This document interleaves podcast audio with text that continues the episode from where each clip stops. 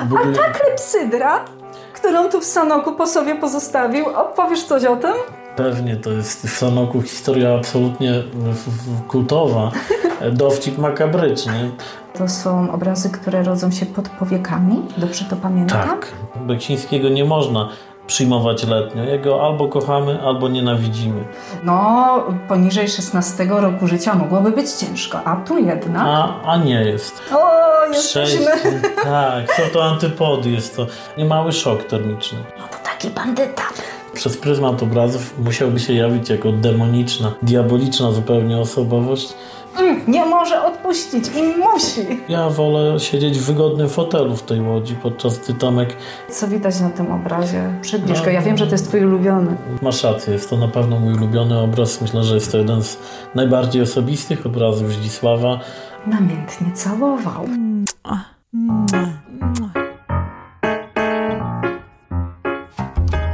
Ponure czy pogodne? Czyli jakie są obrazy Zdzisława Beksińskiego? Czy pracę tego artysty można pokazywać dzieciom? I jaka smutna historia kryje się za Nevermore?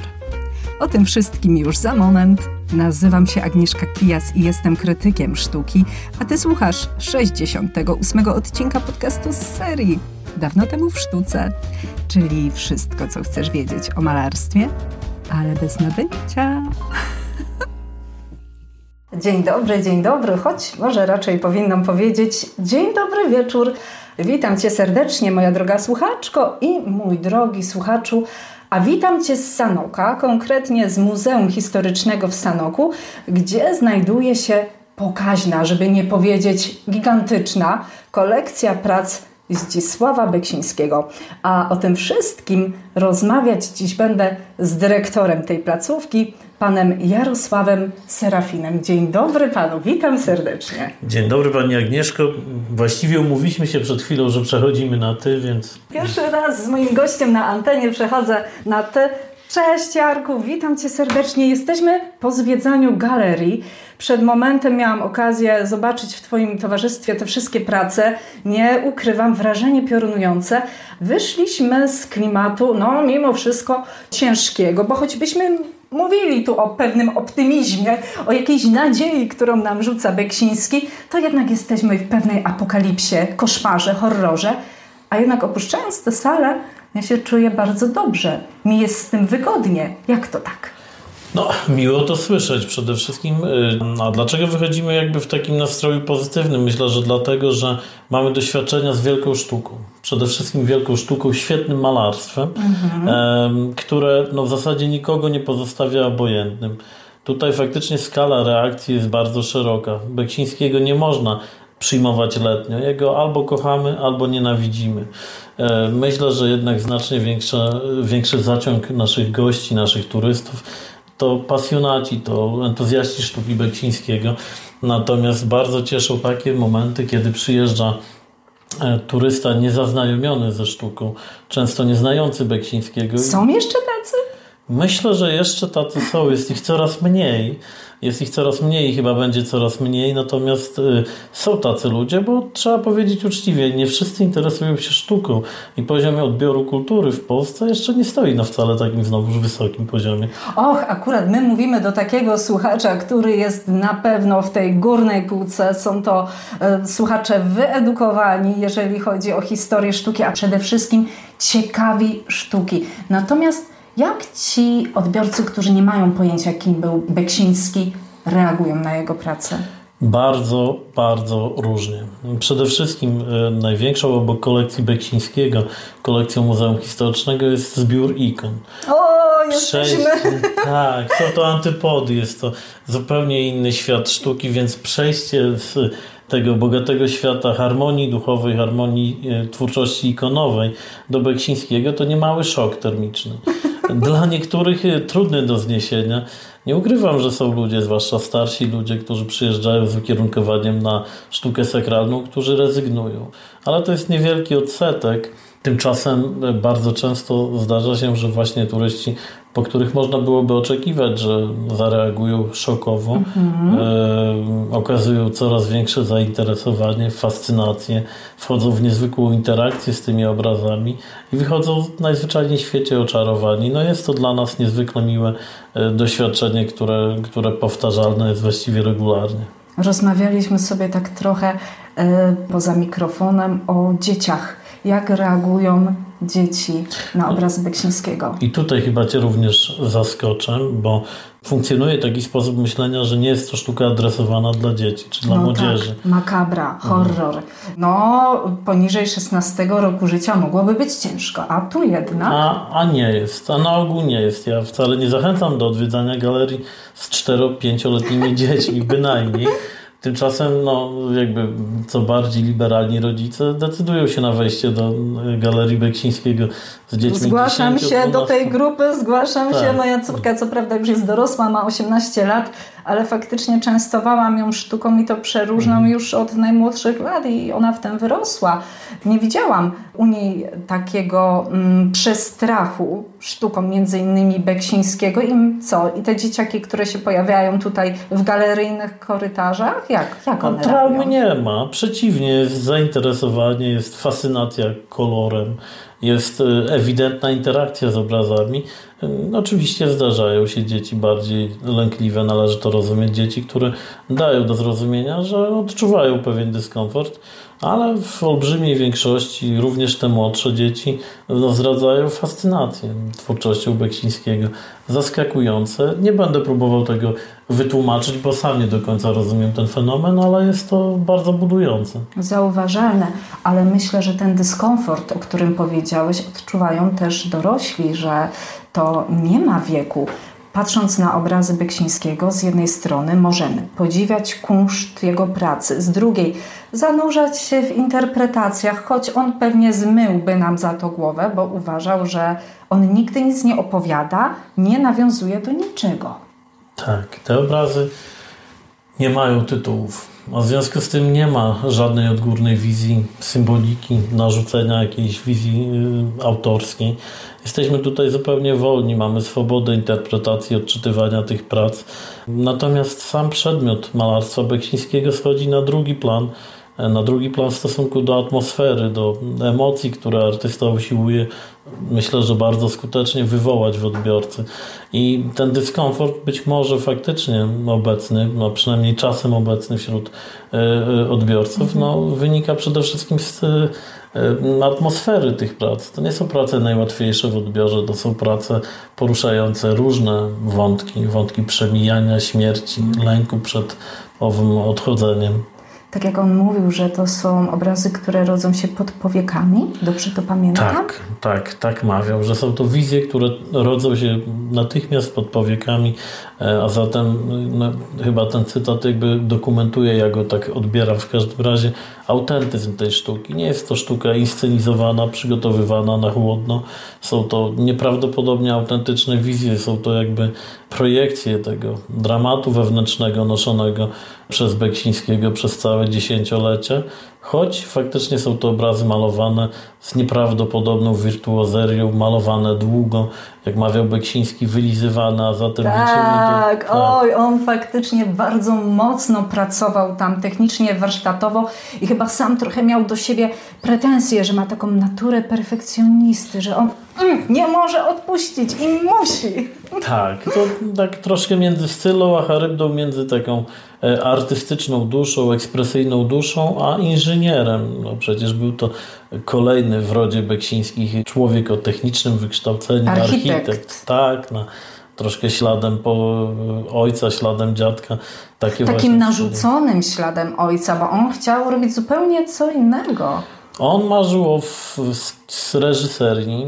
To mm. była jego największa ambicja, natomiast w tych warunkach powojennej Polski, odbudowującej się, w której kinematografia zdobywała się na dwa, trzy filmy rocznie i to propagandowe filmy, Ojciec postawił silne weto takim ambicjom, skierował go na studia architektoniczne, wychodząc z założenia, że te ułatwią mu życie. Jesteśmy po wojnie, kraj jest w ruinie, trzeba go budować. Trzeba go budować, trzeba również zapewnić stałe źródło źródło dochodów, podstawy materialne dla swojej rodziny. A nie Taki tam właśnie... jakiś artysta, jakieś nie, wizje. to bynajmniej, bynajmniej nie, zupełnie nie był tym zainteresowany ojciec. Co ciekawe, ojciec, człowiek również nieprawdopodobnie utalentowany, choć szybko, szybko jakby zniechęcony do sztuki. No właśnie, bo tego się dowiedziałam od Ciebie dzisiaj i nie miałam takiej świadomości, że ojciec też miał talent plastyczny i tak, jego pracę tak. Zdzisław znalazł na strychu. Znalazł te prace, znalazł takie portrety nieprawdopodobne, faktycznie znamionujące duży, ogromny talent. Widziałeś je? Widziałem je, One bo mamy je, tak, mamy je w naszych zbiorach. Zapraszam tu do naszego Facebooka, na pewno były pokazywane, myślę, że przy niejednym wykładzie również prezentowane. Okay. Fantastyczne prace, fantastyczne, które wręcz Beksiński oceniał wyżej od, od własnych, własnych dzieł. E, ze względu na fakt, że ojciec nie zrealizował się jako artysta, dość szybko porzucił tę ścieżkę, później no, cechowała go pewnego rodzaju awersja. Myślę, że może nawet pogarda w kierunku artystów. To był raczej człowiek na wskroś pragmatyczny i w takim duchu od najmłodszych lat wychowywał syna. Taką jakąś ścieżkę zdrowia mu nawet zbudował, tak? po której Beksiński musiał skakać, fikać. Tak. W zupełnie innym kierunku chciał go wychowywać. No myślę, że tak jak to często bywa, ojciec miał zupełnie ambicje inne w kierunku syna niż, niż e, owe predyspozycje syna. Ja nie wiem, czy nawet może nie zniechęcił skutecznie do pewnych pewnych dziedzin aktywności, zwłaszcza sportu, bo przecież owo pływanie czy gra w tenisa, wszystko to e, było dla Beksińskiego przekleństwem. Wbrew jego chęci, wbrew jego naturze. Na przekór jakby tak, pasją. To wszystko odpychało go coraz dalej od, od, od sportu, od tego kultu tężyzny fizycznej, a pchało właśnie w objęcia sztuki. Ale to ojciec dał mu pierwszy aparat fotograficzny. Tak, to prawda. Ojciec dał mu pierwszy aparat fotograficzny, taką mieszkową ikorettę i w ten sposób jakby mm, obudził w nim pasję do fotografii, pasję, która towarzyszyła Beksińskiemu w zasadzie przez całe życie i która była pierwszą y, dziedziną twórczości, w której osiągał realne sukcesy w latach 50., chociaż już wcześniej, bo przecież właściwie w okresie wojennym mały Zdzisław wędrował z owym aparatem, fotografował. No właśnie. Uwagę. Tak. On robił zdjęcia czołgom. Nawet na lotnisku robił zdjęcia uśmiechającym się Niemcom i pozującym mu, co jest dla mnie teraz, jak tak sobie pomyślę, wręcz niewyobrażalne. Ale tak, oni mu pozowali. Tak, najwyraźniej nie widzieli nic yy, niebezpiecznego w takim właśnie, w tej sytuacji, w której znajdowali młodego bo przecież 10 czy 11-letniego chłopca z aparatem chętnie pozywali do tych zdjęć, natomiast no nie było to na pewno rozsądne. Trzeba pamiętać, że taka aktywność podchodziła pod y, paragraf szpiegostwo i była mhm. obarczona najsurowszymi karami. Natomiast dzięki właśnie takim, takim pasjom małego dzisiaj mamy również dzisiaj bardzo cenne archiwum fotografii historycznej. Pokazujące, z Sanoka. Tak, z Sanoka, pokazujące choćby próby broni pancernej, broni e, czołgowej e, na poligonie, na którym testowano naprawiane w sanockich zakładach wagonowych czołgi niemieckie, więc kolejna ciekawa sfera aktywności Zdzisława połączona właśnie z pasją E, fotograficzną w taki dość niecodzienny sposób w czasie wojny. Ale bardzo szybko ta pasja fotograficzna u tego chłopaka, kiedy już był na studiach, przekształciła się nie w reporterkę, nie w takie realne pokazywanie rzeczywistości, tylko to są zdjęcia już bardziej surrealistyczne. To są zdjęcia, których myślę nie powstydziłby się Andy Warhol. No, mamy tutaj bardzo nieprawdopodobne zestawienia i no na pewno takich rzeczy nie widać w rzeczywistości. One musiały się brać z wyobraźni artysty. Tak też to de facto wyglądało. Ten proces twórczy w fotografii, on rodził się w głowie, on był dość chłodno, dość intencjonalnie planowany. E, więc były to fotografie niezwykłe, wyprzedzające na pewno ducha epoki, chociaż znamy również drugą stronę beksińskiego fotografika, bo przecież właśnie w okresie studiów rodzi się związek z panią Zofią, mm. wielka miłość, wielkie uczucie, które dość szybko zostanie sformalizowane związkiem małżeńskim i właśnie wówczas Zdzisław jeszcze w Krakowie w trakcie studiów fotografuje w takim pięknym cyklu, bardzo subtelnym panią Zosię, swoją wybrankę, tak, adoruje, kontempluje jej urodę. Zatem Beksiński nieoczywisty, Beksiński w wydaniu subtelnym, w bardzo romantycznym jakby ujęciu. Ta pasja do rejestrowania, mimo wszystko w nim została ta pasja do reżyserii. Pojawiła się kamera w jego domu i widzimy bardzo często go z tym e, okiem kamery przyklejonym tutaj do jego własnego oka. Mi się to tak trochę kojarzy z filozofią decydującego momentu, jakby Beksiński chciał zobaczyć wszystko, żeby nie daj Bóg nie umknęło mu to, co najbardziej wartościowe. A no właśnie, ten lęk przed przemijaniem, to pytanie, co, co po nas zostanie, co po mnie, co po mojej twórczości, po mojej mm. osobie zostanie. Jakby tutaj znajduję taką no, niezwykłą postawę właśnie w próbie obsesyjnego ratowania każdej chwili, rejestrowania wydarzeń na pozór prozaicznych. Ale też takich tam. bardzo mm, skrajnych, jak na przykład wynoszenie trumny, w której jest jego mhm. matka, albo y, po operacji tutaj rana, gdzie są jeszcze jakieś dreny i ubolewa nad tym, że nie filmowano go w trakcie operacji. No tak, mamy i takie sytuacje.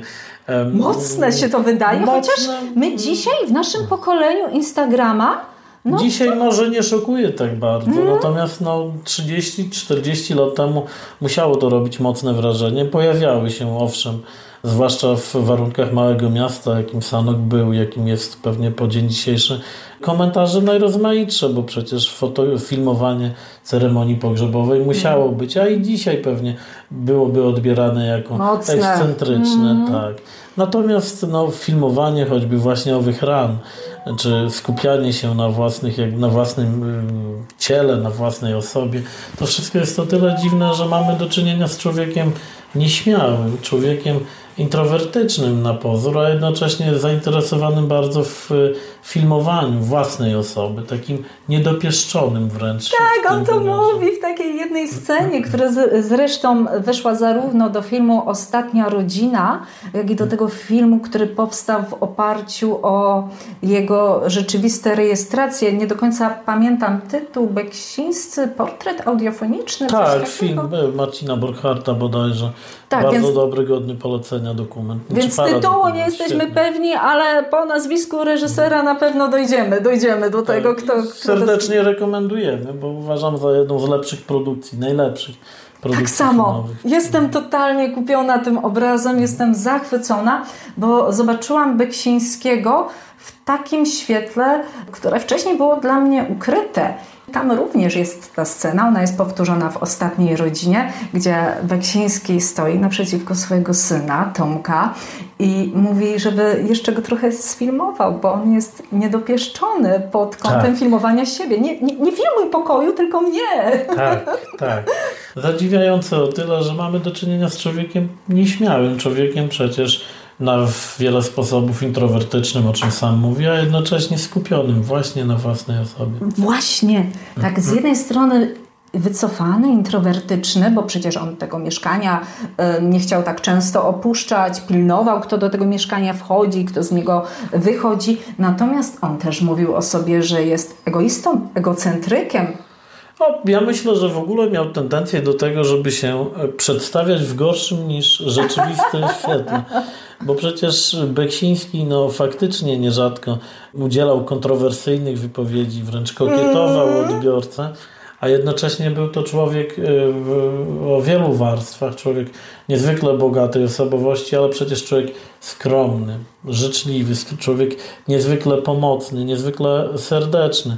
Jego Tutaj... przyjaciel, śpiewak operowy, Ochman, jak on się pięknie o nim wypowiada. Pięknie. Ja usłyszałem całkiem niedawno takie słowa no niezwykle ważne, gdzie Wiesław Ochman zapytany o Zdzisława Beksińskiego stwierdził wręcz w najprostszych słowach, że był to dobry człowiek. No chyba mm. trudno o lepszy komplement. W podobnym tonie zawsze na temat Zdzisława Beksińskiego wypowiadał się inny przyjaciel, inny E, inny człowiek z najbliższego otoczenia, Wiesław Banach, poprzedni dyrektor naszego muzeum, który również no, w zasadzie nie potrafił nigdy znaleźć słów krytyki żadnych, bo po prostu uważał, że no, Beksiński jest osobowością czarującą, o. jednoznacznie pozytywną. No i była to opinia powszechna. I intelektualista tutaj w głowie no, tak, buzował tak. świat.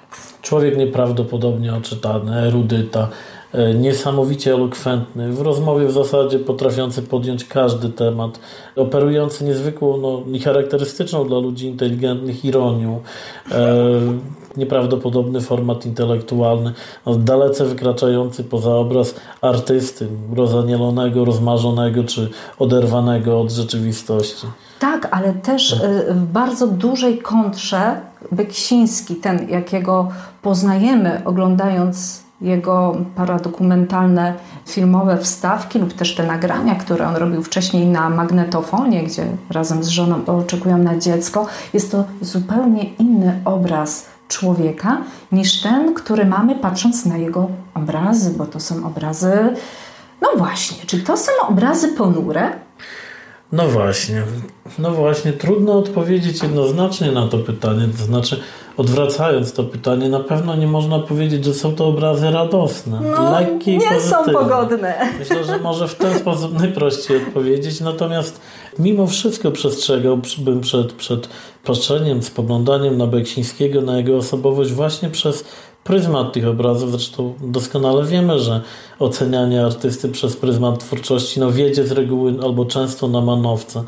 Caravaggio nie był świętym człowiekiem, doskonale o, o tym wiemy. Oczywiście, był o nim podcast, co prawda nie dokończyłam tego wątku, więc tutaj spuszczę zasłony milczenia, mhm. ale mogę śmiało powiedzieć, że no to taki bandyta to taki bandyta. Natomiast Beksiński no, przez pryzmat obrazów musiałby się jawić jako demoniczna, diaboliczna zupełnie osobowość i znowu bylibyśmy w głębokim, w głębokim błędzie i tworzylibyśmy fałszywy wizerunek człowieka serdecznego, skromnego, człowieka życzliwego i myślę nieprawdopodobnie skromnego. No, na temat tej skromności no, w zasadzie można byłoby bardzo, bardzo długo opowiadać. Jest to cecha no, niezwykle ujmująca w jego osobowości. Chciałabym jeszcze na moment wrócić do tej relacji młodego odbiorcy z twórczością, można by powiedzieć, rodem z horroru, bo jednak te trumny, te krzyże, te takie postacie szkieletorów, mimo wszystko kojarzą nam się bardziej z pewną wizją makabry, apokalipsy.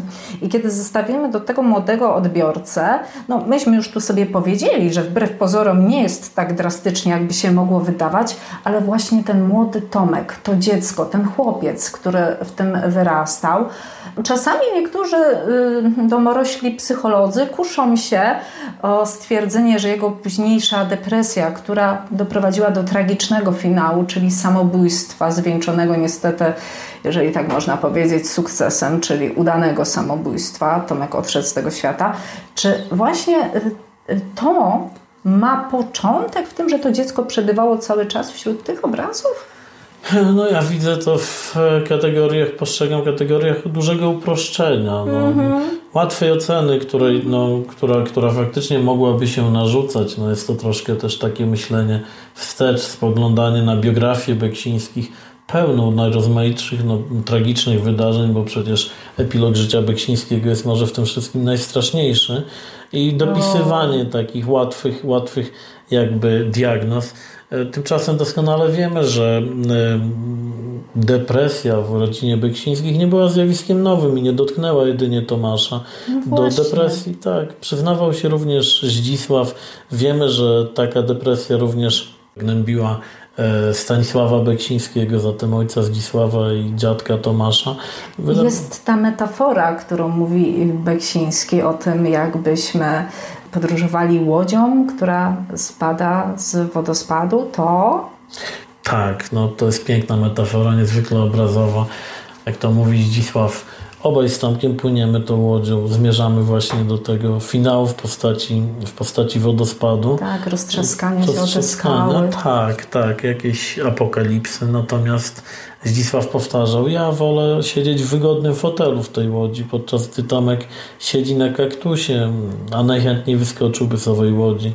Więc to chyba najlepiej jakby opisywało różnicę w radzeniu sobie z ową depresją. Być może zresztą właśnie sztuka była dla Zdzisława formą terapii, formą jakby samorealizacji, której Tomasz nie, nie znalazł pomimo bogatych, szerokich zainteresowań ale była też dla Beksińskiego formą pracy, nierzadko katorżniczej, bo to już nie było samo malowanie do, y, dla przyjemności. W momencie, kiedy pojawiły się zlecenia, kiedy pojawił się kontrakt, on musiał po prostu iść do pracy. To była jego praca.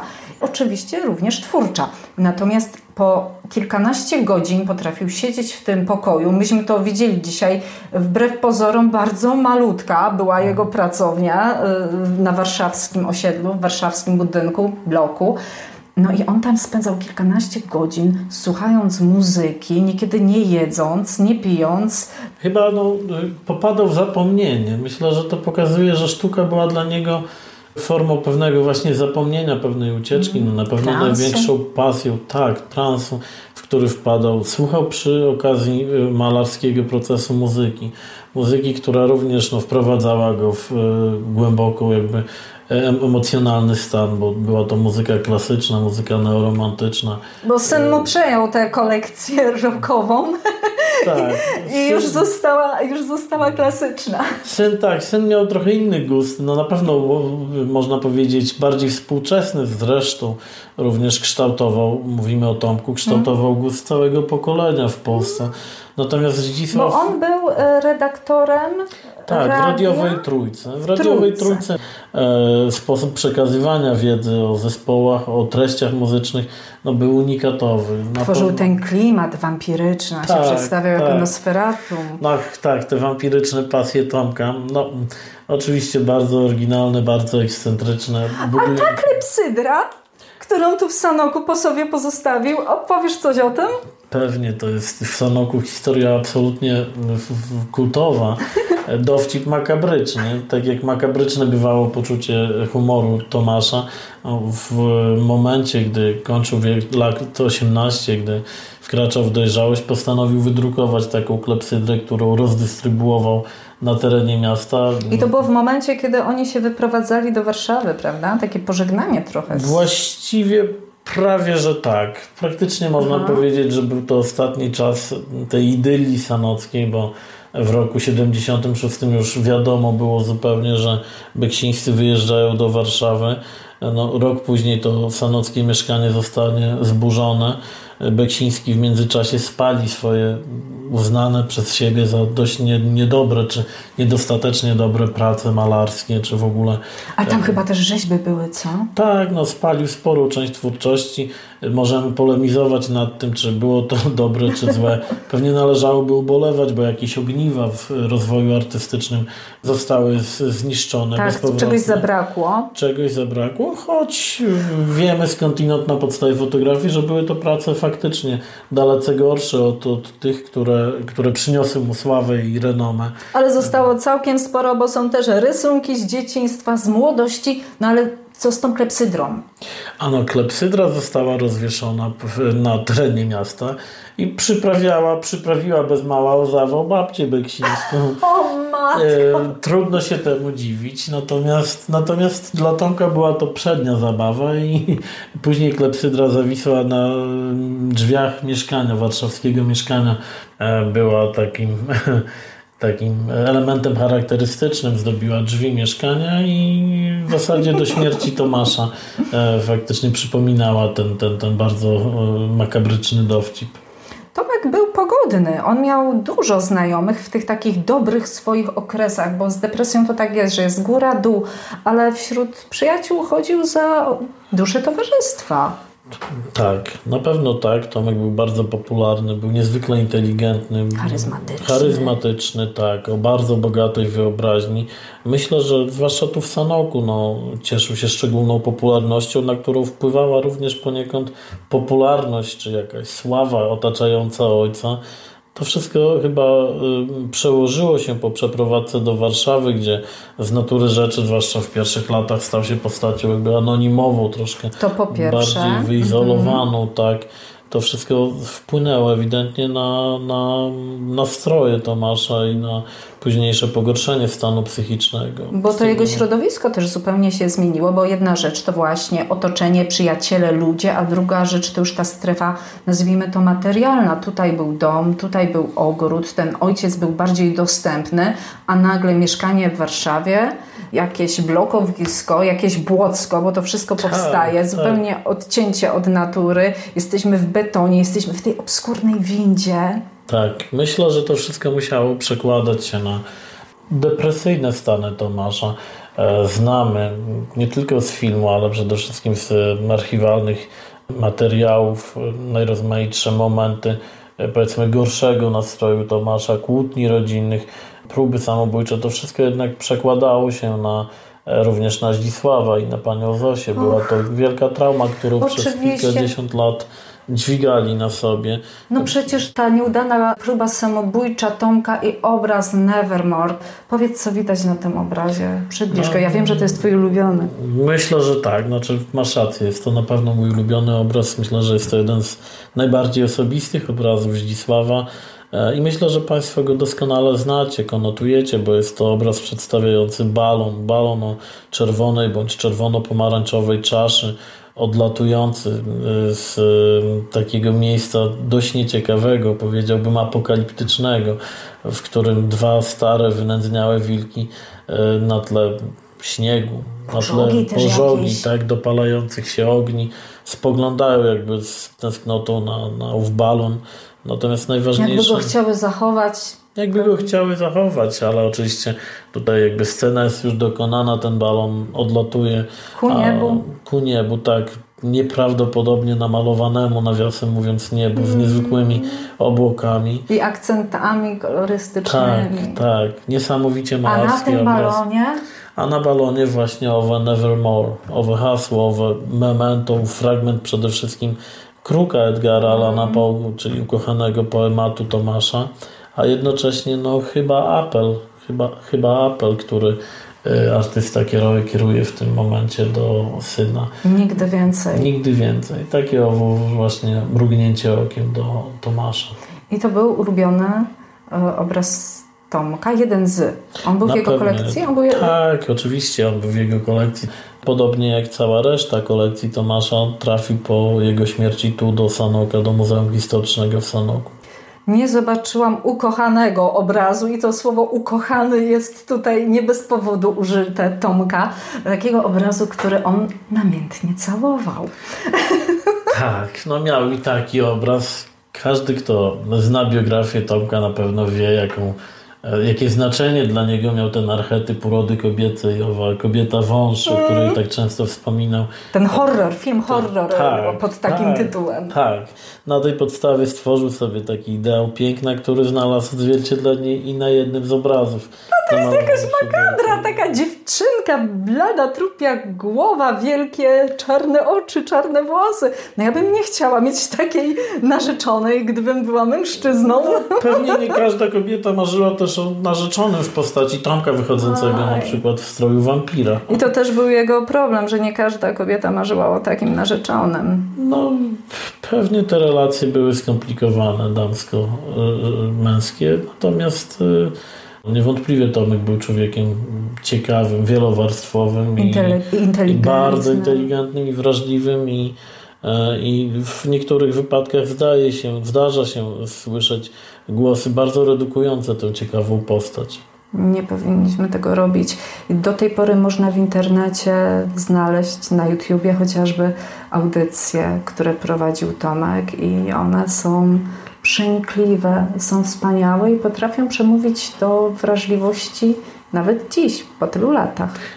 Tak, tak. Są odtwarzane, są, są wspominane, są. Yy, no, audycje te są jakby obiektem no, sentymentu pokoleń, które wyrastały na yy, radiowej trójce, które słuchały Stara, tego. dobra tak. szkoła radiowa, ale przychodzą święta, te tragiczne święta, przełom wieków.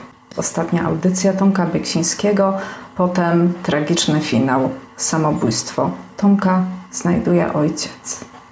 Tak, i myślę, że jest to gigantyczny szok, gigantyczna tragedia.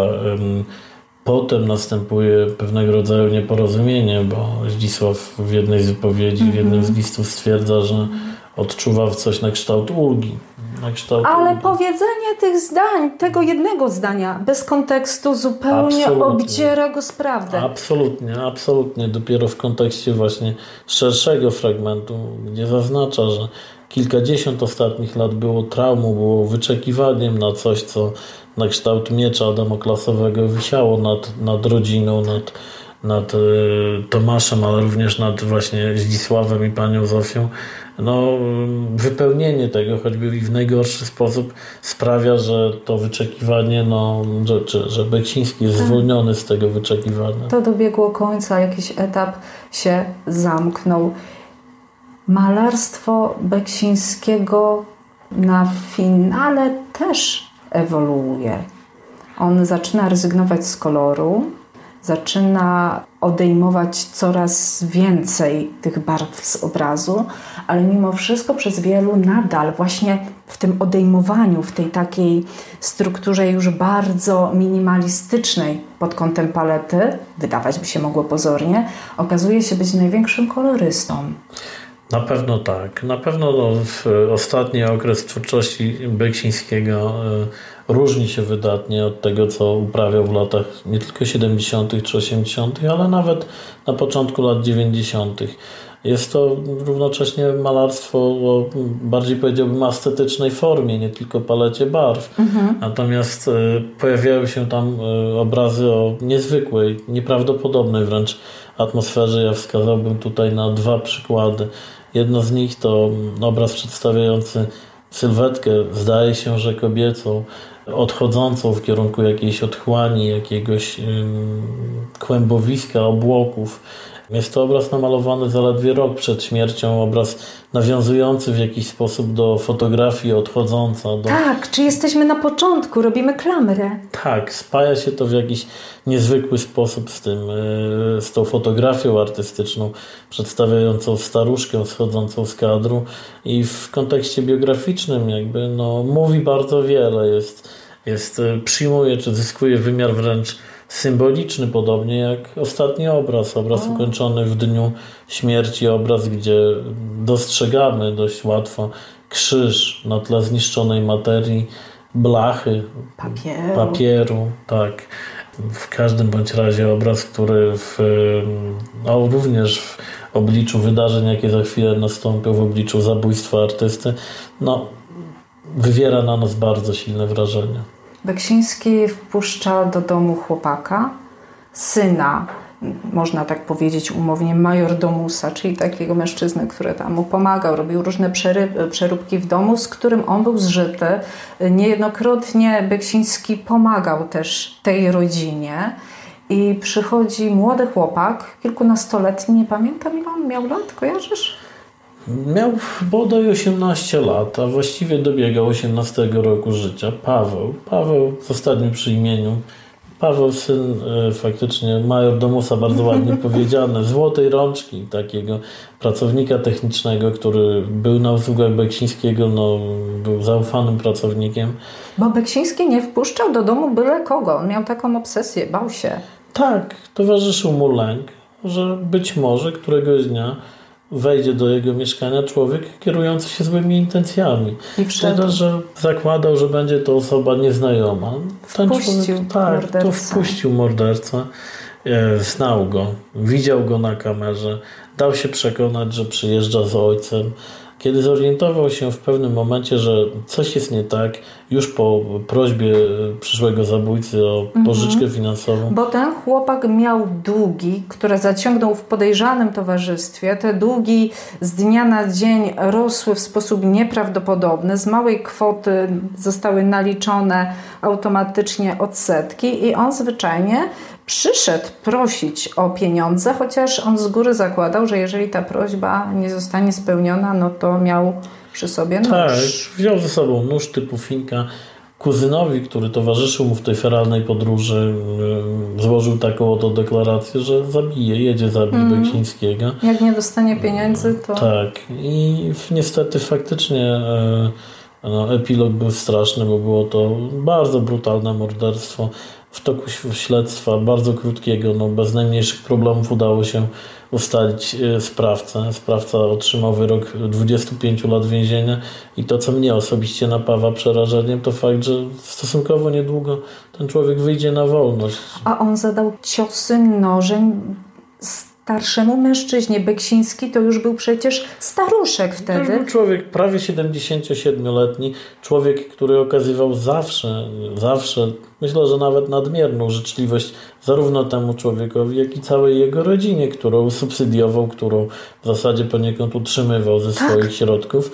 I w tym kontekście no, zabójstwo wygląda na zupełny absurd, na e, bardzo nielogiczne, bardzo mm, no, przerażająco absurdalną zbrodnię. Dokładnie, bo on został zadźgany we własnym mieszkaniu, tak jak wspomniałam, kilkanaście ciosów nożem. Potem jeszcze ci chłopcy, bo kuzyn dołączył, próbowali zacierać ślady, więc przeciągali ciało zmarłego artysty e, pomiędzy pokojami a w efekcie ukradli stamtąd y, rzeczy o bardzo niskiej wartości, bo nie znaleźli pieniędzy, więc tam zginęły płyty, kamery. Tak, rzeczy absolutnie niegodne takiego czynu, o ile w ogóle jakiekolwiek o. są godne.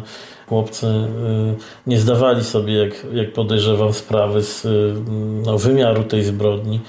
A problem, istotny problem polega na tym, że być może również dzisiaj takie przynajmniej głosy dało się słyszeć. Nie ma symptomów skruchy, symptomów wyrzutów sumienia.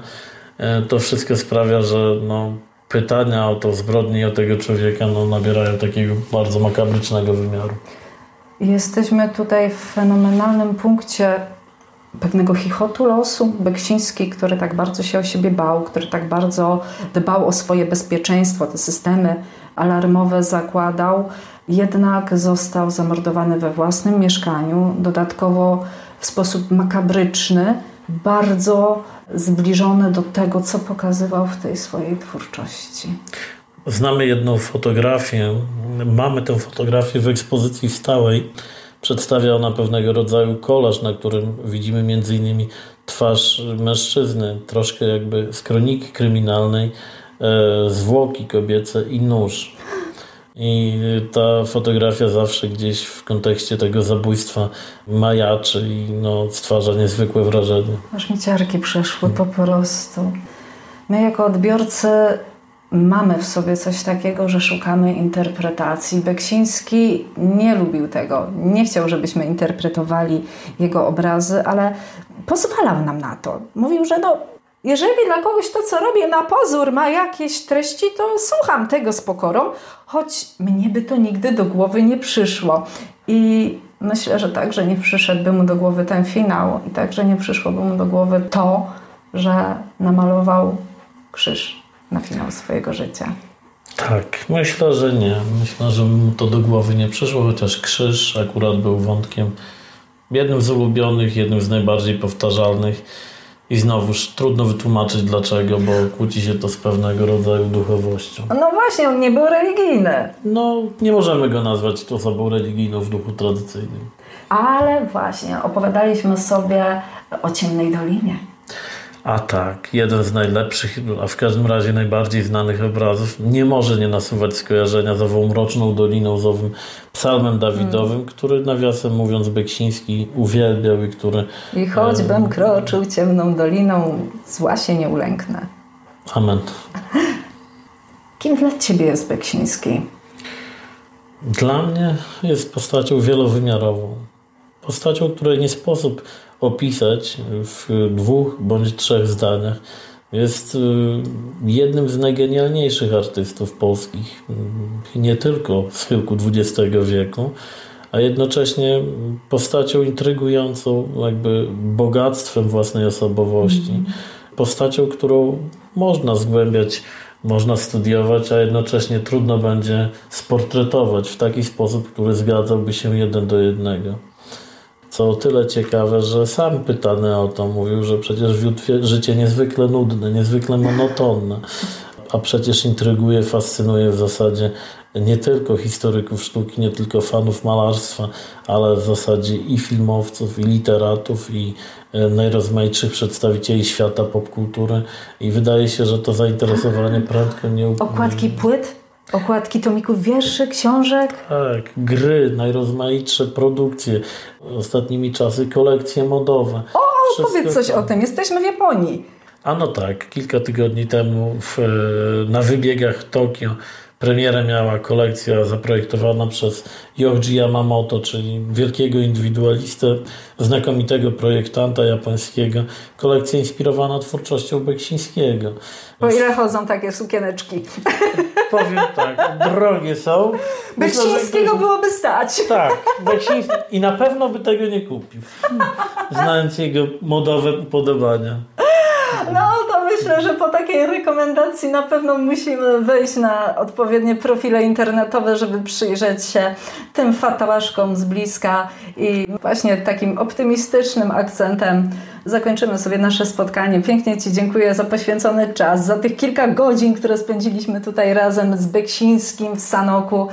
No i mam nadzieję, że jeszcze uda się tutaj wrócić. Ślicznie dziękuję Ciebie. Oczywiście zapraszam do Sanoka, tak samo jak zapraszam wszystkich słuchaczy. Myślę, że nikt nie będzie rozczarowany. Warto. Do usłyszenia. Mówiła dla Ciebie Agnieszka Kijas, krytyk z sercem do sztuki. I jeszcze jedno. Jeżeli podoba Ci się to, co robię i chcesz rozpocząć ze mną zawodową współpracę, napisz do mnie na fejsie lub na Insta. Profil nazywa się Dawno temu w sztuce. Piszę felietony, nagrywam podcasty i robię mnóstwo innych rzeczy związanych ze sztuką.